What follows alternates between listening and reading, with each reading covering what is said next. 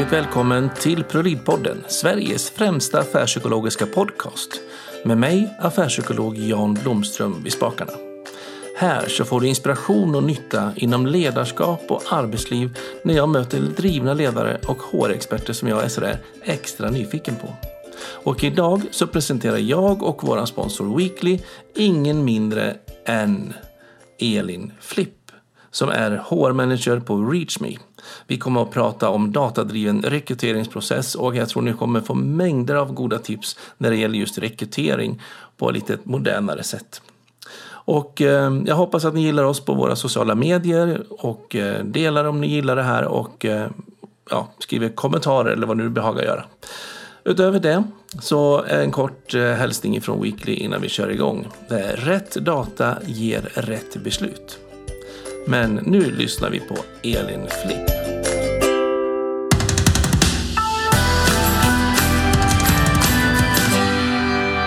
Hjärtligt välkommen säger jag till ProLid-podden, då Elin Flipp. Ja, hej. Vad kul att du kunde komma och dyka inom så här. Mm, jätteroligt. Eh, jag är lite extra nyfiken på dig. Jag har hört en del om dig via eh, lite kontakter som jag har. Och de pratar så gott om att den där kvinnan, hon är på G, hon är upcoming star, hon är skärpt när det gäller datadriven rekrytering framför allt och HR. Så tänkte jag, då mm. måste jag ju få träffa dig. Ja, verkligen. Så nu ja. har alla förväntningarna liksom uppe under taket här. Mm. Men eh, kan inte du berätta lite grann? Eh, du jobbar ju som HR-manager inom Research, ReachMe. Mm, precis. Uh, ja, um, ja, HR-manager på ReachMe har jobbat här sedan i höstas så att jag är fortfarande relativt nyanställd. Ja. Um, ganska bred roll. Jag jobbar för uh, alla våra kontor, Sverige, Norge, Finland, uh, Ukraina. Ja. Och HR-teamet är jag och en rekryterare. Um, ganska stor frihet i vilka projekt vi ska jobba med. Ja. Uh, vi är ju ett HR-tech-företag, vi gör ju ett rekryteringssystem. Så ja. att HR-tech-intresset smittar av sig internt. Så att det är väldigt gott mottagande när jag har idéer och vill prova på saker. Så att um, ja, det, det är jag. Men du är lite begränsad då i vilken plattform du behöver använda för rekryteringsprocessen misstänker jag? Ja, li lite begränsad. Eh, men alltså. å andra sidan så får jag alla funktioner och när de kommer nya grejer så det, det är ganska lyxigt faktiskt. Ja, riktig försökskanin. Mm. ja, det är bra det. Eh, men då, vad, hur ser liksom ReachMe då? Du, som, ni gör en plattform, HR-tech. Berätta lite mer om, om ReachMe och eh, hur kärleken för digital HR ser ut hos er.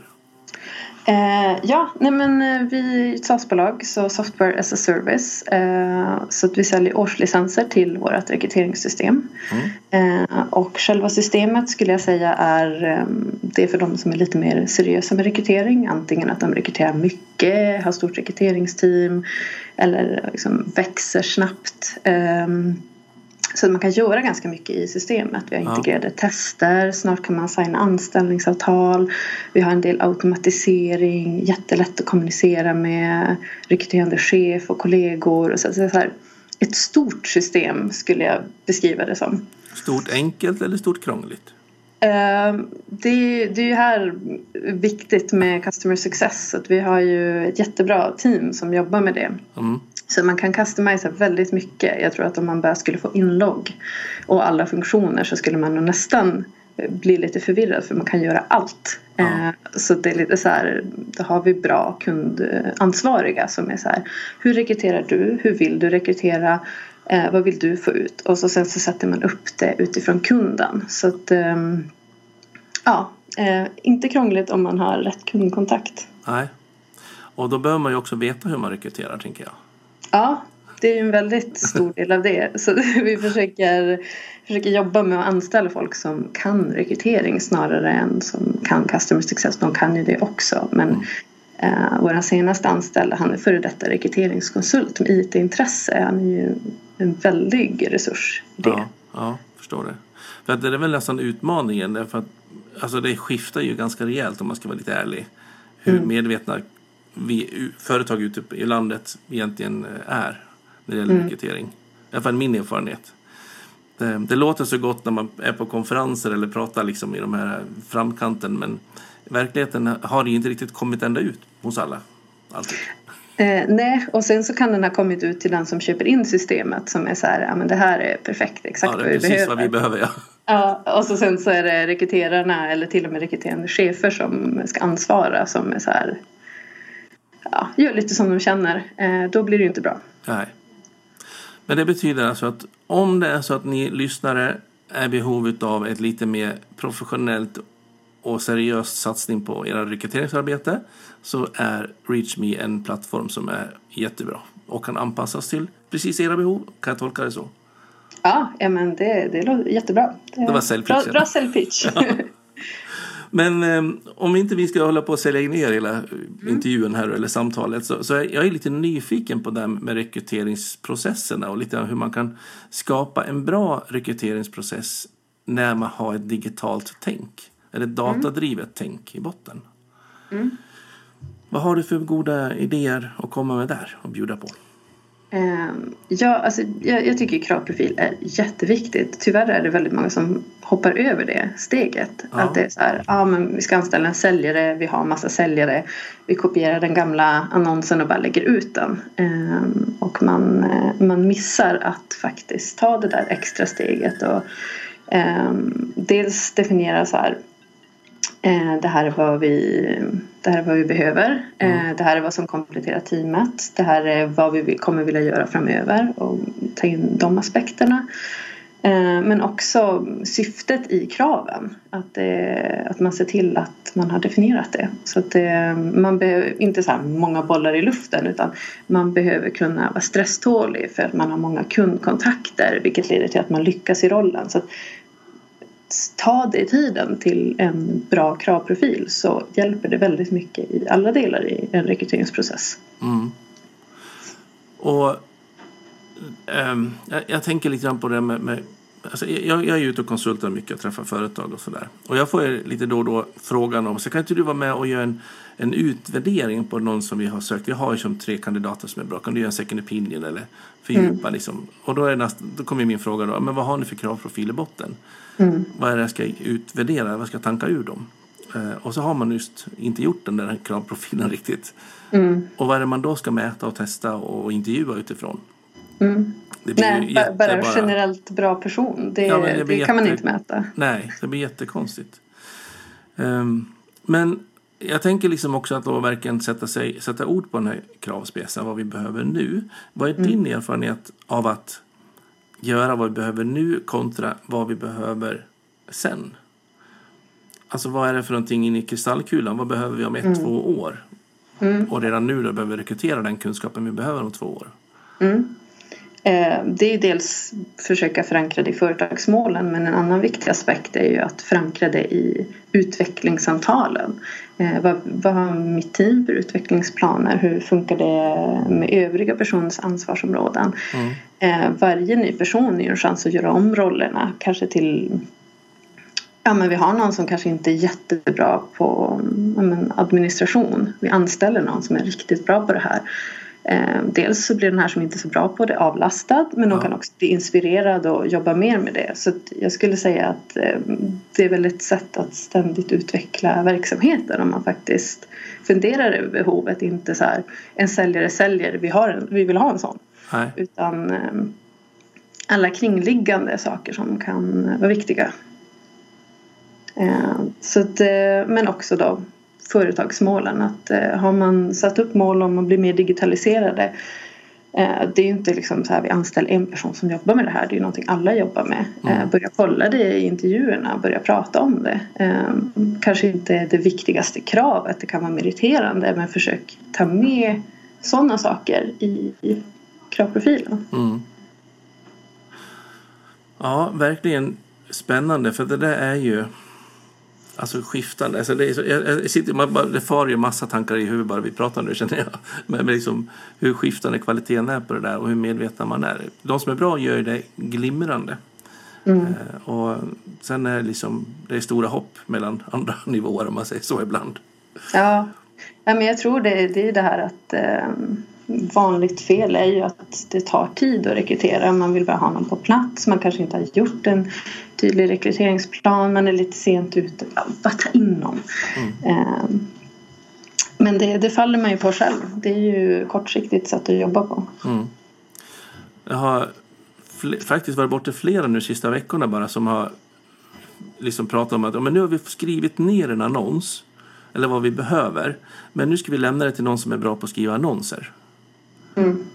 Uh, och när jag har hört dem lite grann pratat om, om vad de har gjort så är det ju liksom mer att de har beskrivit kanske vad de vill ha. Mycket med lite floskler och sånt där. Mm. Um, och inte riktigt gjort den här kravanalysen. Uh, allra enklaste, tydligaste sättet att göra en kravspec. Vad skulle du göra där? De tre punkt, viktigaste punkterna för att få till en bra kravspec? Um, ja, det, det, är väl börja från noll varje gång. Um, är väl ett av mina tips. Um, sen se på företagsmål och kompetensutvecklingsmål för de anställda. Mm. Och uh, våga låta det ta tid. Det är tidskrävande men det är en klyscha men en felrekrytering kostar så mycket pengar. Mm. Här handlar det inte bara om en felrekrytering, man kan hitta rätt person. Man kan hitta rätt person med ett plus i kanten som tar oss längre framåt. Så ja. att, eh, låt det ta tid. Så börja från noll. Mm. Jätteviktigt mm. låter det som. Och, och eh, utgå från företagsmålen och eh, våga låta det ta tid. Mm. Då har vi en bra kravspec. Mm. Sen förstår jag att det, det, funkar inte riktigt för alla organisationer men eh, då får man ha en bra HR som försöker jobba strategiskt, långsiktigt sätta upp en rekryteringsplan för kommande åren. Mm. Ja, det blir ju svårare om det är så att man inte ens vet vad verksamhetens mål är. Nej, det, Men, det är eh, svårt. Eh, då, då har man andra, andra problem. Det är jätte, jätteviktigt att alla eh, ser dem som sina egna. Mm. Så jag tycker vi har en sån bra grej när vi har onboarding. Eh, Vår VD brukar alltid prata om så företagsmål och vad vi satt upp och sådär. Ja. Vi brukar prata om vår vision och att det är så här, vi vill eh, hjälpa folk att rekrytera och eh, vi vill ha de nöjdaste kunderna och sådär. Och så frågar han alltid alla, men i ditt jobb, i din roll, hur, eh, hur hjälper du oss att leverera det här? Ja. Och det är ganska nyanställda personer. Jag minns när jag fick den frågan, då var det så här, vänta, jag sitter internt. Ja. Eh, men nej, men han har ju en poäng. Jag, jag ser ju till att andra har förutsättningarna för att vi får nöjda kunder så att vi kan uppfylla vår vision. Ja. Så man får liksom så här bryta ner det för varje individ. För tänk tvärtom, om du skulle motarbeta den måluppfyllelsen. Mm. Om du gör saker som leder bort ifrån det. Mm. Då, då, då har företaget ingen nytta av dig, tänker jag. Ja, nej, nej, Då är det bättre att ha det någon annanstans hos någon konkurrent. Ja. Ja, men vi jobbar väldigt mycket med mål och det är så här, ja. eh, då har vi sagt att så här, är det någonting du inte hinner göra, eh, är det inte någonting du som hindrar dig från att nå målen, då har du all rätt att tacka nej till mötet, skjut på projektet. Det, det är de här grejerna vi har valt att fokusera på. Mm. Eh, så då har vi det uttalat att så här, allting som hjälper våra mål och i långsiktigt vår ambition är det du ska prioritera först. Mm. Och jätte, jättesmart till alla lyssnare också att uttala att det är okej okay att tacka nej till möten eller ställa in möten om inte förutsättningarna är, ligger där. Mm. Mm. Det är nästan ingen som har sagt det så tydligt som du har gjort det. Vad jag ja. bort i. Nej, så många onödiga möten ibland. Ja. Eh, utan syfte och kanske mindre prioriterade saker. Så att, eh, den, den kulturen behöver man ha om man ska vara effektiv. Verkligen. Eh, om man då nu har fått den här kravprofilen, vad är nästa steg nu? Um, ja men då är det ju dags för annons. Mm. Uh, och där får man också vara ja, men jag tycker om att, att man har syftet med annonsen också. Att uh, man inte fastnar vid de här klyschorna. Att, um, ja, men många bollar i luften, den tycker jag aldrig om att läsa. Eller stresstålig. Och det är så här, varför behöver man vara stresstålig? Ja. Och flexibel uh, skulle... är ganska bra att ha. Ja, ja men då, då, då, vill jag gärna att man förklarar varför man ska vara flexibel just i den här rollen. Ja. Uh, så jag skulle säga hälften hälften, sälj in företaget och rollen. Såklart mm. översälja. Den andra delen, sätt förväntningarna. Jag tror att det är jätteviktigt att uh, man är aktiv i att sätta förväntningarna inför ett nytt jobb. Mm. Även här med liksom, karriärsida och employer branding. Att uh, man vill föreställa sig hur det är att jobba på en arbetsplats och hur kulturen är.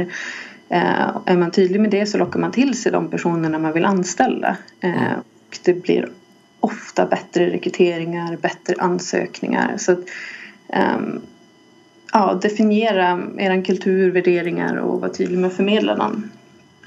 Får du bra respons på det tycker du?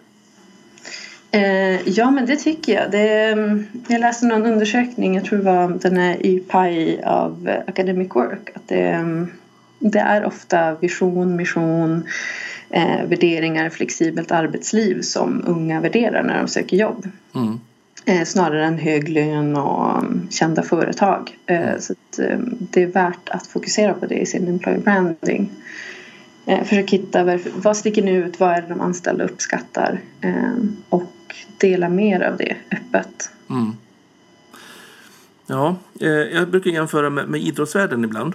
Eh, och eh, jag tänker liksom, de har ju lyckats ganska bra med det där. För att eh, antingen så är man korpen eller Friskis och Svettis eller någonting sånt där. Mm. Som många kan söka sig till för att gå och gympa lite grann och hålla sig liksom vardagsfrisk.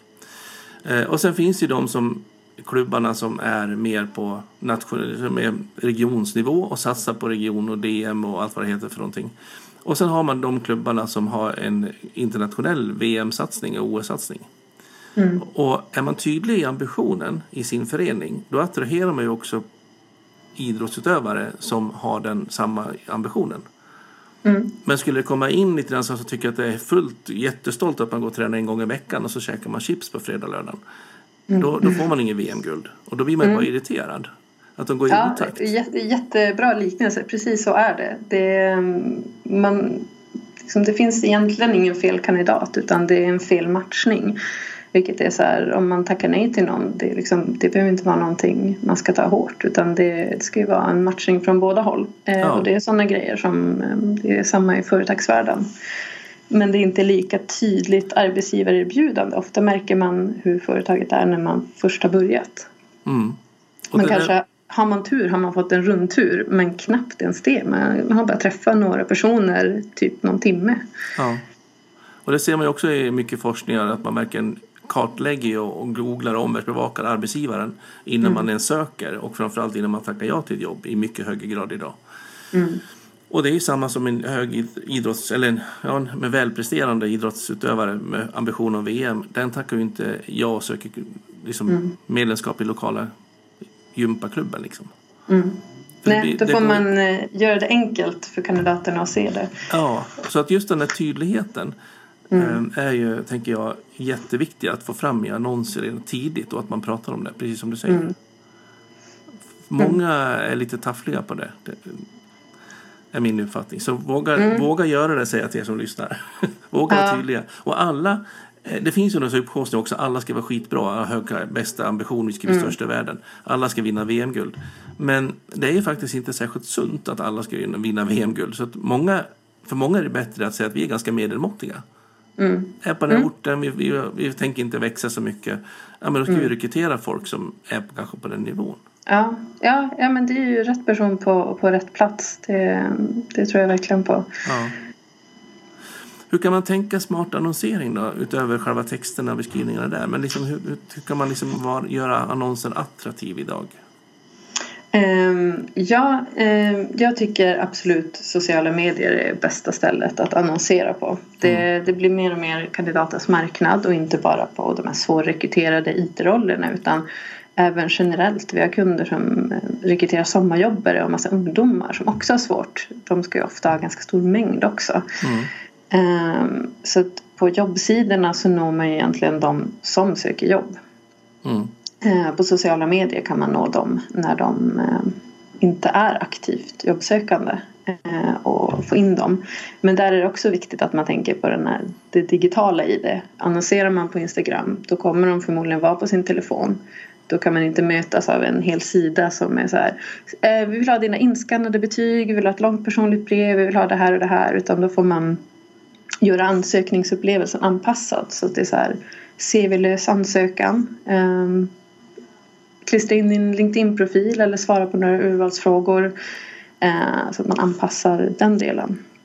Så att man får använda det digitala livet även i ansökningsmiljön liksom? Ja, ja men absolut. Det, det skulle jag säga. Eh, sen finns det såklart andra ställen att annonsera på. Eh, men jag tycker så nischat som möjligt är bättre. Alltså, istället för att köpa en dyr annons på Blocket eller Stepstone eller Metro. Eh, hitta en supernischad Facebookgrupp. Det är inte lika många som kommer se den men eh, du hittar exakt rätt personer ja. när du lägger ut den där. Så, så här, ja, var lite kreativ med annonseringen. Ja, alltså, ja såklart. Mm. så enkelt. Ja. Eh, och, och, då tänker jag också att, att man verkligen läser av lite grann. Det, det är mycket analys vi pratar om egentligen. Att analysera på vilka miljöer är det som den här kandidaten vi tror vi befinner sig någonstans. Mm. Um, och då behöver man ju kunna sin igen då, målet, ha sin kravprofil. Det är viktigt mm. att veta vart vi vill och vad som behövs. Mm. Ja, alltså för mig, jag har ju jobbat med IT-rekrytering egentligen alltid har jag jobbat och, på ställen där jag rekryterar. Men nyligast eh, nu har jag börjat rekrytera säljare vilket är helt nytt för mig också. Ja. Uh, så där har jag försökt jobba med nätverka, jag pratar med HR-personer i liknande branscher. Var annonserar ni? Var hittar ni dem? Kolla med våra egna säljare. Var skulle jag kunna hitta dig? Har ni någon grupp för din klass? Eller finns det någon nätverksträffar? Så att, um, det är så här, IT där har jag en lista på bara bra ställen man kan hitta folk som man kanske inte tänker på i första hand. Mm. Men det är ingenting man föds med så att man får nätverka och researcha och ehm, lägga energin på det. Mm. Mm. Ja, verkligen. Eh, det här med HR kontra rekryterande chef, då, hur ser du på det samarbetet? Mm. Ehm, ja, det är ett väldigt viktigt samarbete. Ehm, vi gjorde faktiskt en undersökning med rekryterande chefer i höstas. Mm. Ehm, och då frågade vi så här, dels hur tycker ni rekrytering är viktigt? Och det sa 99 procent att det är viktigt. Mm. Och så frågade vi, tycker ni det är roligt? Då sa 61 procent att så här, ja men det är roligt. Så att jag tror att HR eh, har en jätteviktig roll i den relationen.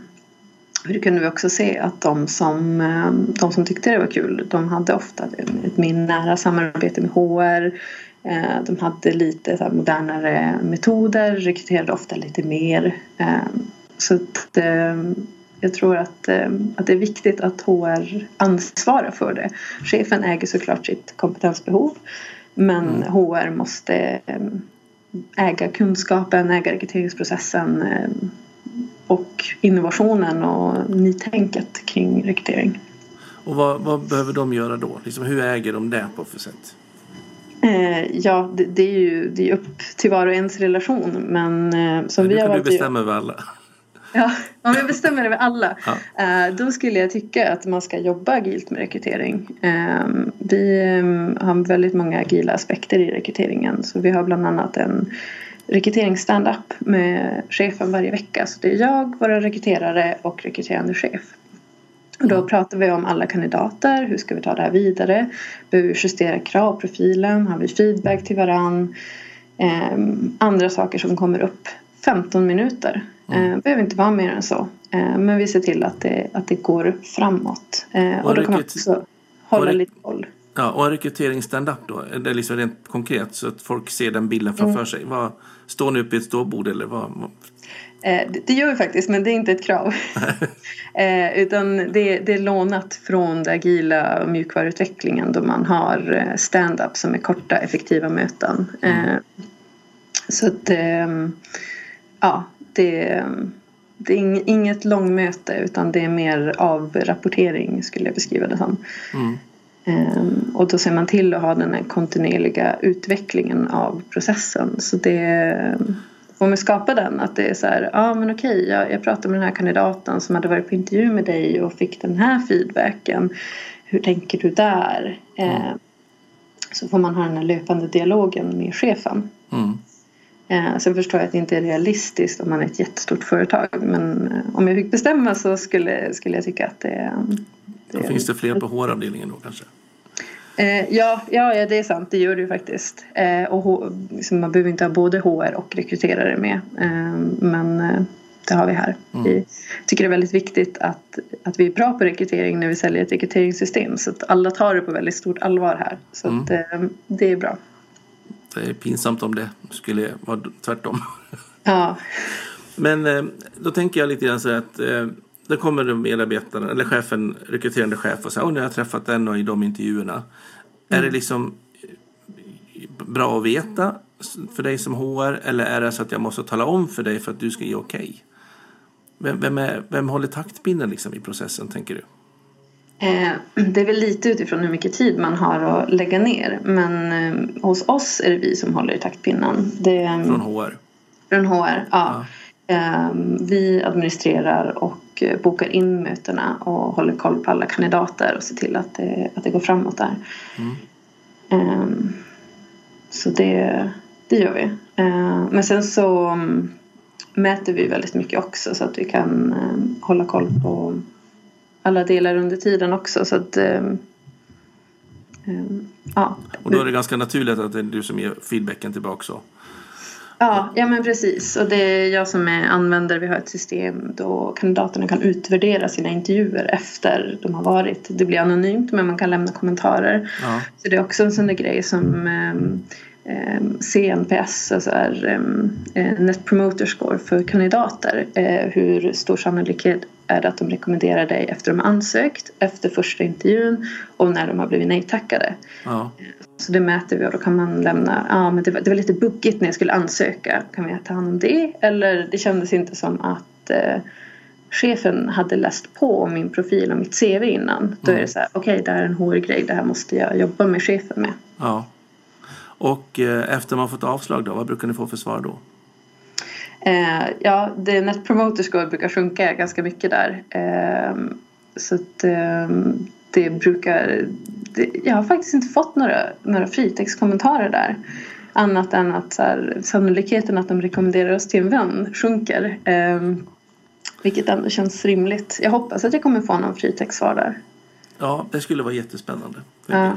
Och sen också att kunna ha lite grann som ett, en ambition Eh, för det brukar jag driva ibland när man är ute. Eh, och att, ehm, att liksom ha som mål att när man ger ett avslag att få dem att se att det blir den bästa matchningen. Mm. Nästan så att de själv kommer fram till att de inte ska ha jobbet. För att det inte, mm. det inte matchar inte i nivån eller ambitionerna. Eller i profilerna. Mm. Då har man ju verkligen gjort ett både bra profiljobb och en bra kartläggning av kandidaten.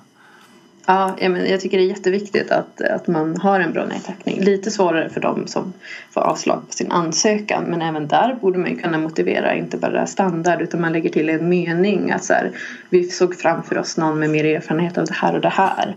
Ja. Eh, beroende på hur mycket ansökningar man får så kan det vara en väldigt värd investering för att få upp den här Net Promoter Score. Ja, och de blir en viktigare rekryterare sen, eller budbärare till, till de snackar till andra att jag har sökt jobb där förut men fick det inte, men sök gärna du.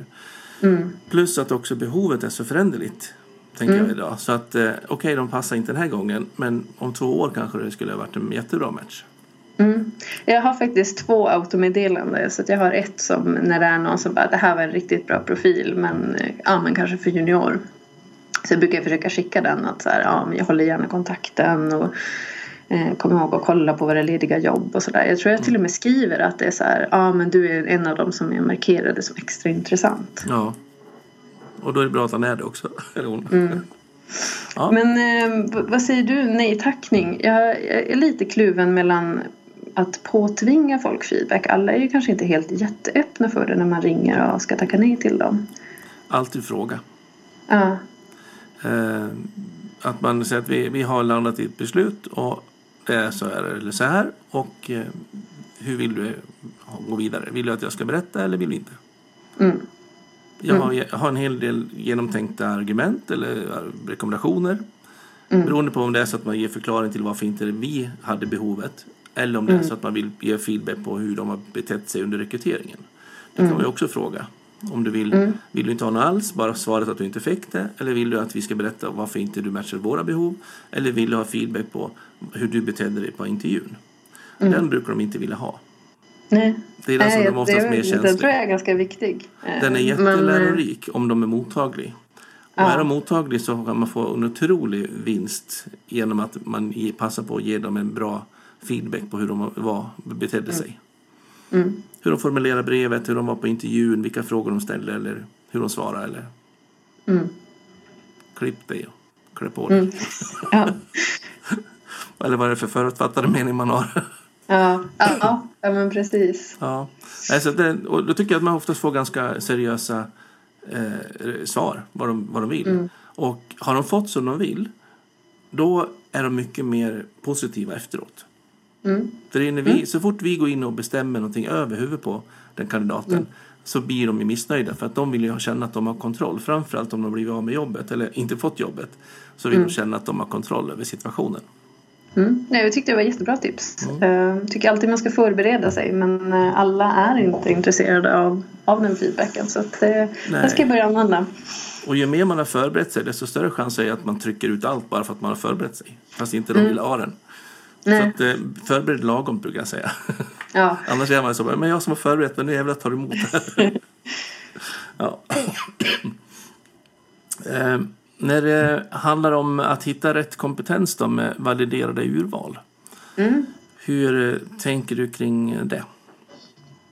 Eh, igen kommer jag säga kravprofil. Eh, pratar om det här hela, hela intervjun. Men eh, allt börjar och slutar i en bra kravprofil. Så att eh, man väljer urvalsmetod inte för att det är någonting man tror på utan det är för att det mäter det man ska mäta. Mm. Eh, så då, ja, när man har definierat kravprofilen och det här är aspekterna som är viktiga för oss. Då får man börja fundera på hur mäter vi det? Mm. Inte så här, ja men vi tycker eh, personlighetstester är bra, vi har med dem. Ja Mm. men vad, vad vill du få ut av dem? Ja. Eh, så väldigt mycket fokus på syfte. Eh, sen har jag en väldig förkärlek för arbetsprover. Eh, det är väldigt lätt att koppla det till ett syfte. Att det är så här, ja men man ska, eh, ja men ja, enklaste är liksom så här, utvecklare. Varför ska man sitta och intervjua dem i timtal om sin personlighet och mål och hur de ser på sin kod när man faktiskt kan be dem koda någonting, kanske någonting som är relaterat till jobbet. Det är, Ja. ju, det är ju så man ska ta beslut eh, egentligen. Så när du flyttar in de kodningarna in i systemet, det är då det blir buggarna. Ja, ja, nej de brukar vi inte använda. Eh, men jag tycker det är en ganska rolig grej. Vi hade, skulle hitta produktägare. Mm. Eh, och då var det så här, ja men här har du alternativ på samarbetspartners. Hur skulle du göra urvalet i vilka vi ska samarbeta med? Och så fick de lite bakgrundsinformation om oss. Och då får man så här en ganska bra inblick i hur de tänker och jobbar. Och, ehm, ja, och så sen så fick de också feedback och hur tar de emot feedbacken. Väldigt bra tillfälle att låta dem träffa teamet. eh, och liksom ha dem involverade i det steget. Ja. Eh, Så slipper man det här att de sitter och har, är med på intervjun och har lite så subjektiv bedömning på dem. Utan så här, nu ska du bedöma deras faktiska kunskaper i ditt område. Mm. Och att man, är man flera från teamet att man kan bevaka olika aspekter. Ja, man har ja men olika det, det kan man ju sätta upp innan. Att så här, ja, men man kan ha en poängsättning, det kan vara kul. Ja. Och då kan man mycket snabbare också sen mötas kring bedömningen efteråt. Mm. Och så kul för kandidaten att få träffa teamet och diskutera. Så här, ja, men om man är intresserad av det man jobbar med får nudda ner sig lite och prata. Och, Mm. Brukar rekryterande chef vara med när man träffar team som du tycker? Ehm, det beror lite på men jag, jag, tycker att det, tycker att det finns en fördel i det. Ehm, särskilt om det är arbetsprov. Ehm, men sen så ja, någon gång har jag erbjudit omvända referenser och då är det ju väldigt viktigt att chefen inte är med eh, för att man ska uppnå rätt effekt på det. Ja. Alltså det finns för fördelar och nackdelar. Mm. Eh, och när man då träffar team, tänker du det att de är av typ stand-up karaktär även då? Att det är ganska korta avcheckningar eller sätter man sig ner och har lite mer längre häng? Ehm, ja, jag tänker generellt att det är arbetsprovet de är med på. Ja, okej. Ehm, för då är det så här, då har man någonting att prata om. För Mm. annars kan det bli så här, ja men träffa dem. Okej, vad, vad ska jag bedöma den här personen? Vad ska jag fråga? Ska jag bara lära känna den? Att det är lite så här oklart. Bara se om ni gillar varandra. Ja. Ehm, det blir ganska pressat. Istället så här, men nu ska ni diskutera det här ämnet som ni båda uppenbarligen är väldigt intresserade av. Ja. Ehm, så har de någonting att connecta om och eh, någonting att bedöma. Mm. Så att jag skulle väl säga att eh, ja, att det är bättre att ha, ett syfte, alltså, ha en anledning till att de träffas snarare än känna på varandra. Och där är också en knytning till det vi sa i början, att man skriver i annonser redan lite mm. ambitionen och för, kravförväntningarna. Mm. Eh, för varför är man på jobbet? Är man där för att man ska hänga tillsammans och trivas ihop? Eller är man där för att prestera en verksamhetsfokus ihop? Mm. Och det är ju det sista, bör det absolut vara. Och därför kan man ju inte heller vinna så mycket på att sitta där och känna på varandra hur vi är som personer. När vi mm. egentligen inte är det som är grundbulten till vår arbetstillvaro. Utan mm. där är ju mer på vad vi ska prestera och då, då är det ju vad vi presterar ihop. Mm. Och då kommer ju liksom tycket som person med som en liten mm. bieffekt men det är inte det som är primära. Mm. Ja, men absolut, men det är att man ger dem någonting som, mm. man ger dem en uppgift. Så en, en jag känner på hennes företag har de så att sista steget i rekryteringen är att man går ut och äter lunch med en från teamet. Mm. Och det är alltid en medarbetare. Eh, och tanken där är att det är kandidaten som ska få ställa frågor, inte liksom, eh, arbetsgivarrepresentanten utan det, det är kandidatens träff. Mm. Den brukar vara väldigt, väldigt uppskattad. Särskilt om det är någon som står och väljer mellan några erbjudanden. Bara att man erbjuder det brukar se väldigt bra ut. Ja. Och det där är också, tänker jag, jättecentralt i det med att man hela tiden måste bredda, tycker jag. Att det är inte arbetsgivaren som ska ha en som vill arbeta hos oss. Utan det är mm. lika mycket en medarbetare som ska hitta en arbetsgivare att trivas och växa hos. Och då är ja, det, ja, bägge två behöver vara vinnare liksom. Ja, nej men den aspekten tycker jag att väldigt många missar. Så när jag har varit på intervjuer då, då kör de bara på. Och då ja. kan jag vara så här, vänta, jag vet inte om jag är intresserad av er. Nej, och eh, du ska vara glad alltid... om du får ett jobb liksom. Ja, ja men det, ibland har folk lite, lite den attityden. Mm. Så att jag brukar alltid försöka stanna upp i slutet av intervjun och så bara, men nu har vi pratat mer.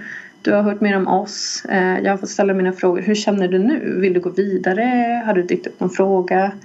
Um, mer intressant, mindre intressant. Um, och det kan ju också vara så att kandidaten är så här.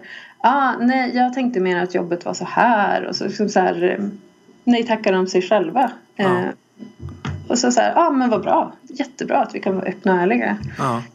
Um, men bara att man frågar blir också så symbolvärde. Att så här, ja, ja, verkligen. För sen när man ser på jobbet och fått jobbet så ska mm. man ju också där kunna få bägge, bägge sidors intressen ska ju någonstans tillvaratas. Mm. Är det bara arbetsgivarens intressen som tillvaratas på bekostnad av medarbetarna då blir de ju inte kvar särskilt länge. Nej, nej men precis. Och tvärtom, då går ju inte arbetsgivaren kvar särskilt länge. Då mm. går man ju i konkurs eller något annat. ja. ja, verkligen intressant. Eh, du nämnde lite grann i ert system så har ni det med automatiserad rekrytering. Eller moment mm. av det i alla fall. Hur, hur tänker du och ser på det? Eh, ja, jag tycker väldigt mycket om bottar och automatiserad rekrytering och automatiserad HR generellt. Eh, Vilket jag tänker är helt främmande för äldreomsorgen uppe i Norrland eller i inlandet ja. eller någon annanstans. Ja, eh, jag läste faktiskt en undersökning och 6% av alla HR-avdelningar säger att de, eh, att de jobbar med, med automatisering. Så mm. det, det, är inte så många som gör det än. Eh, vilket är konstigt för det finns ganska mycket administrativa grejer som man skulle kunna underlätta genom att automatisera dem. Mm. Eh, men det och finns, vad är det för det, saker då? Liksom? Ja, alltså det finns ju väldigt många nivåer. Den så basic-nivån eh, som man bland annat kan göra i vårt system är att systemet är din rekryteringsassistent. Um, då sätter man upp ett schema och då är det så här, man börjar med urvalsfrågor. Mm. Får man en viss poäng på dem och det kan vara så här, hur många års erfarenhet har du? Kan du det här? Kan du inte? Liksom, hur länge har du jobbat med det här? Får man en mm. viss poäng på dem då får man ett mejl och sådär grattis du gick vidare till, till nästa steg. Här kommer tester, vi gör dem på alla. Då får mm. de göra testerna. Eh, får de bra på testerna får de ett till mejl. Man kan ha lite fördröjning där. Mm. Eh, inte bara kommer på en förmiddag. Ja, nej. Eh, och då, då är det mer så här. Ja ah, men du gick vidare, du är liksom klar med en screening. Här har du en kalender, boka in din egen intervjutid. Eh, och så får man dem färdigscreenade som att man har haft en rekryteringsassistent. Mm. Eh, i sin mailinkorg. Det funkar inte för alla typer av roller och rekryteringar. Så det är ingenting jag tycker att alla ska införa. Men det är en väldigt smidig funktion. Mm. Men sen så finns det ju ännu mer avancerade saker. Jag vet att det finns företag som har börjat jobba med eh, robotrekryterare som ringer upp och telefonintervjuar en. Ja. Eh, det är fortfarande väldigt nytt eh, och det är så här, jag tycker om early adapter men man måste vara lite försiktig så att det inte liksom påverkar kandidatupplevelsen att det känns så spammigt att det håller på någon robotröst som ringer upp en. Ja för de har ju kört också med lite robotmänniskor som ser ut som en människa som har jag sett på några ställen. Ja, ja men det här sättet, den kan, den kan hålla intervjuer. Den ja. är ju efter att läsa ansiktsavtryck och så här. Ja. Uh, det är ju väldigt coolt. Uh, det dröjer nog innan det är uh, alla som har det. Men det känns verkligen som att det är så man är fördomsfri. Mm. Men samtidigt tog inte Beroende så... på vem som har programmerat. Det är också en sak som man får ta i beaktning att AI är inte liksom alltid fördomsfritt beroende lite grann på urval. Mm. Nej, det handlar väl om vilka koder man har lagt in från början.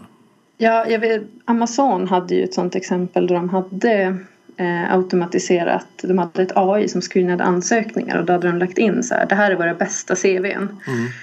Eh, och då började AI screena bort kvinnor. För att eh, typ ja. alla i de här bästa anställda var män. Ja. Och då var liksom att kvinnor gjorde att de blev bortscreenade, inte att de inte uppfyllde andra. Så den lär ju sig och lär den sig fel så kan det bli helt katastrofalt. Ja. Det är lite risky business. Men mm. det går ju också otroligt fort. Eh, jag tänker, många lyssnare också tänker säkert att det tar hundra år. Men det gick ganska fort innan det var bildigenkänning på telefonen. Det tar vi för givet idag. Man kollar och sorterar fotona efter vilka ansikten och vilka som deltar på, på bilderna. Liksom. Mm. Så att eh, det, plötsligt så sitter vi i det. Mm. Kanske. Ja, men jag tycker att det är, så här, ja, men det är som så här pulsundersökningar, medarbetarundersökningar. Det kändes som att det kom en höst och sen ett år senare så var det ingen som inte hade en sån. Uh, så det känns som att det går ganska snabbt när det kommer digitala trender. Ja, verkligen. Jag själv brukar jobba med, med, med Weekly som en, alltså en metod som checkar av varje vecka. Uh, och fångar mm. upp liksom... Ja, den har vi också. Arbets, ja, men suveränt. Men, men liksom verkligen fånga upp de här eh, arbetsmiljövärderingarna och det. Mm. Och få kvitton och lite data på hur vi mår och har det och hur vi ser på målen och så vidare. Mm. Och eh, vi behöver ju, det går ju åt det hållet. Vi behöver veta vad det handlar om och, och så att vi får ett underlag som, som håller. Mm. Och inte bara gå på magkänslan. Mm. Ja, spännande. Eh, automatisering, mer automatisering till folket. med andra mm. ord. Ja, ja det är verkligen. Eh, det finns ju bottar som kan searcha och headhunta också. Eh, lite knackigt. Jag fick eh, någon meddelande där de frågade om jag ville jobba som utvecklare. Jag tror att jag skriver någonting om att rekrytera utvecklare i min profil. Så de är inte riktigt där. Men det är mycket som är på gång om man vill, liksom, om man vill vara med och testa och vara, vara tidig. Ja. Och där är ju någonting man kan alltid uppmuntra de som jobbar med rekrytering. Hoppa på lite de här trenderna. Man behöver inte ta alla, men plocka någon som man tycker är lite intressant. Så att man inte liksom blir långt efter. Mm. För då är det svårt att komma ikapp. Men, men är vi lite grann med så, så, så är vi liksom med på, på banan.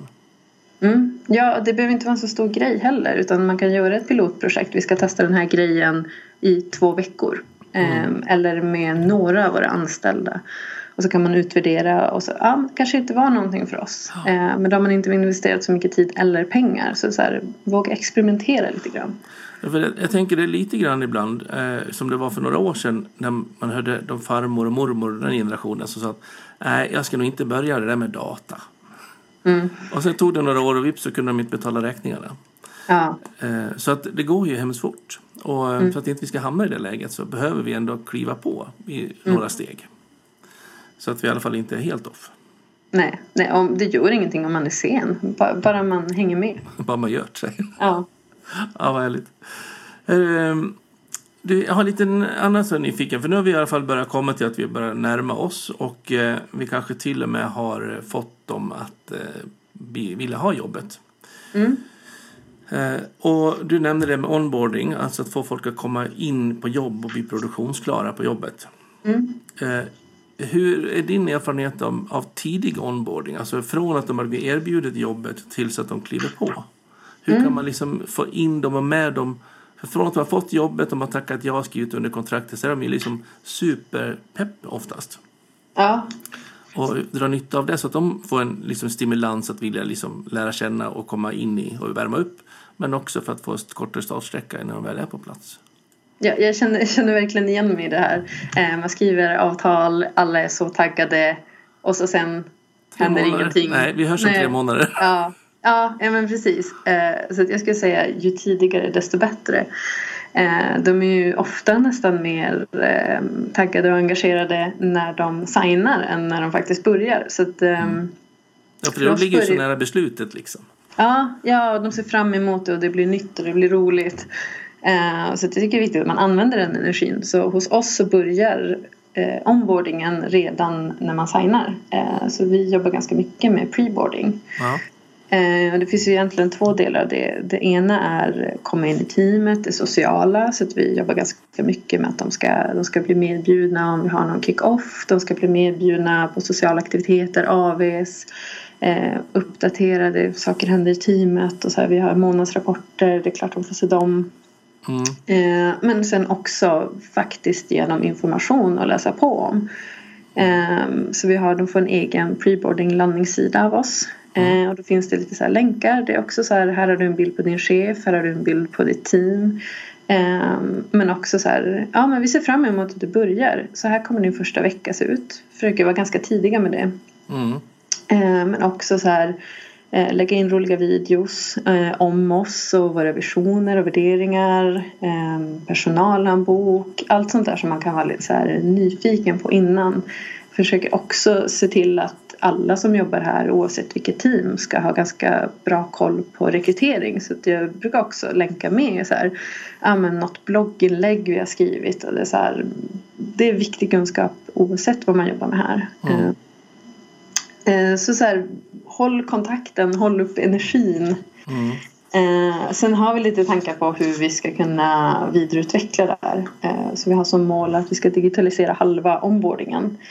Eh, så min tanke är att vi ska kunna jobba lite grann med automatiserade utskick, kanske med HubSpot och man får som uppdrag och det blir lite roligt, eh, lite gamification digitalt. Eh, vi är inte helt igång utan vi är mer i det stadiet där. Ja. Men den allra tror det finns mycket man kan fasen. göra.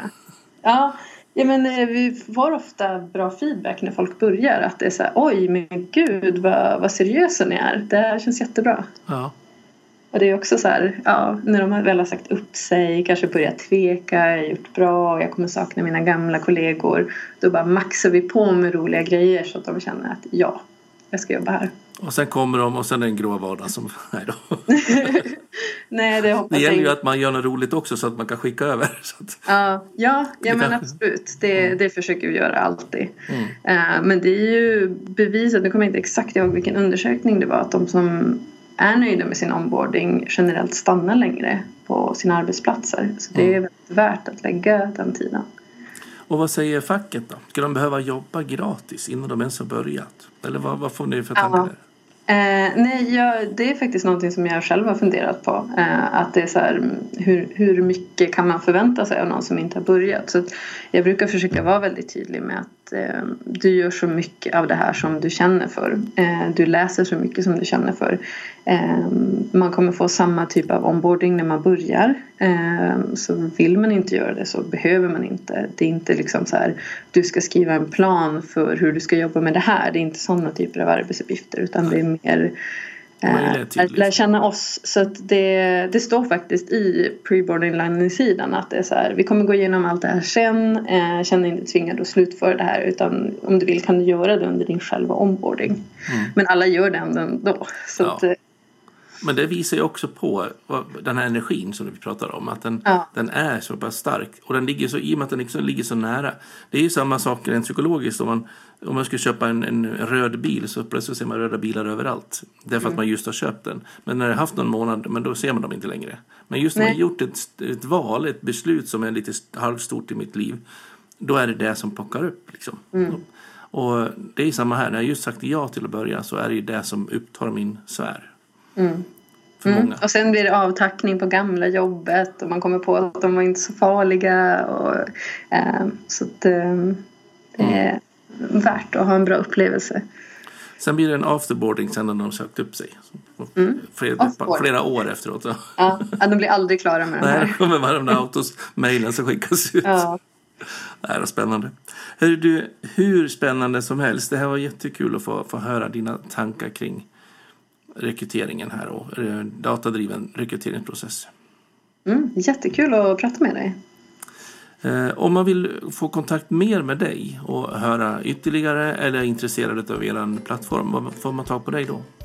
Eh, lättaste sättet är LinkedIn. Jag är ganska aktiv där så att eh, svarar på de flesta kontaktförfrågningar så lägger till mig. Jag älskar att diskutera HR så att eh, har ni någon fråga eller undrar vilket system jag använder till någonting så är jag väldigt villig att hjälpa till.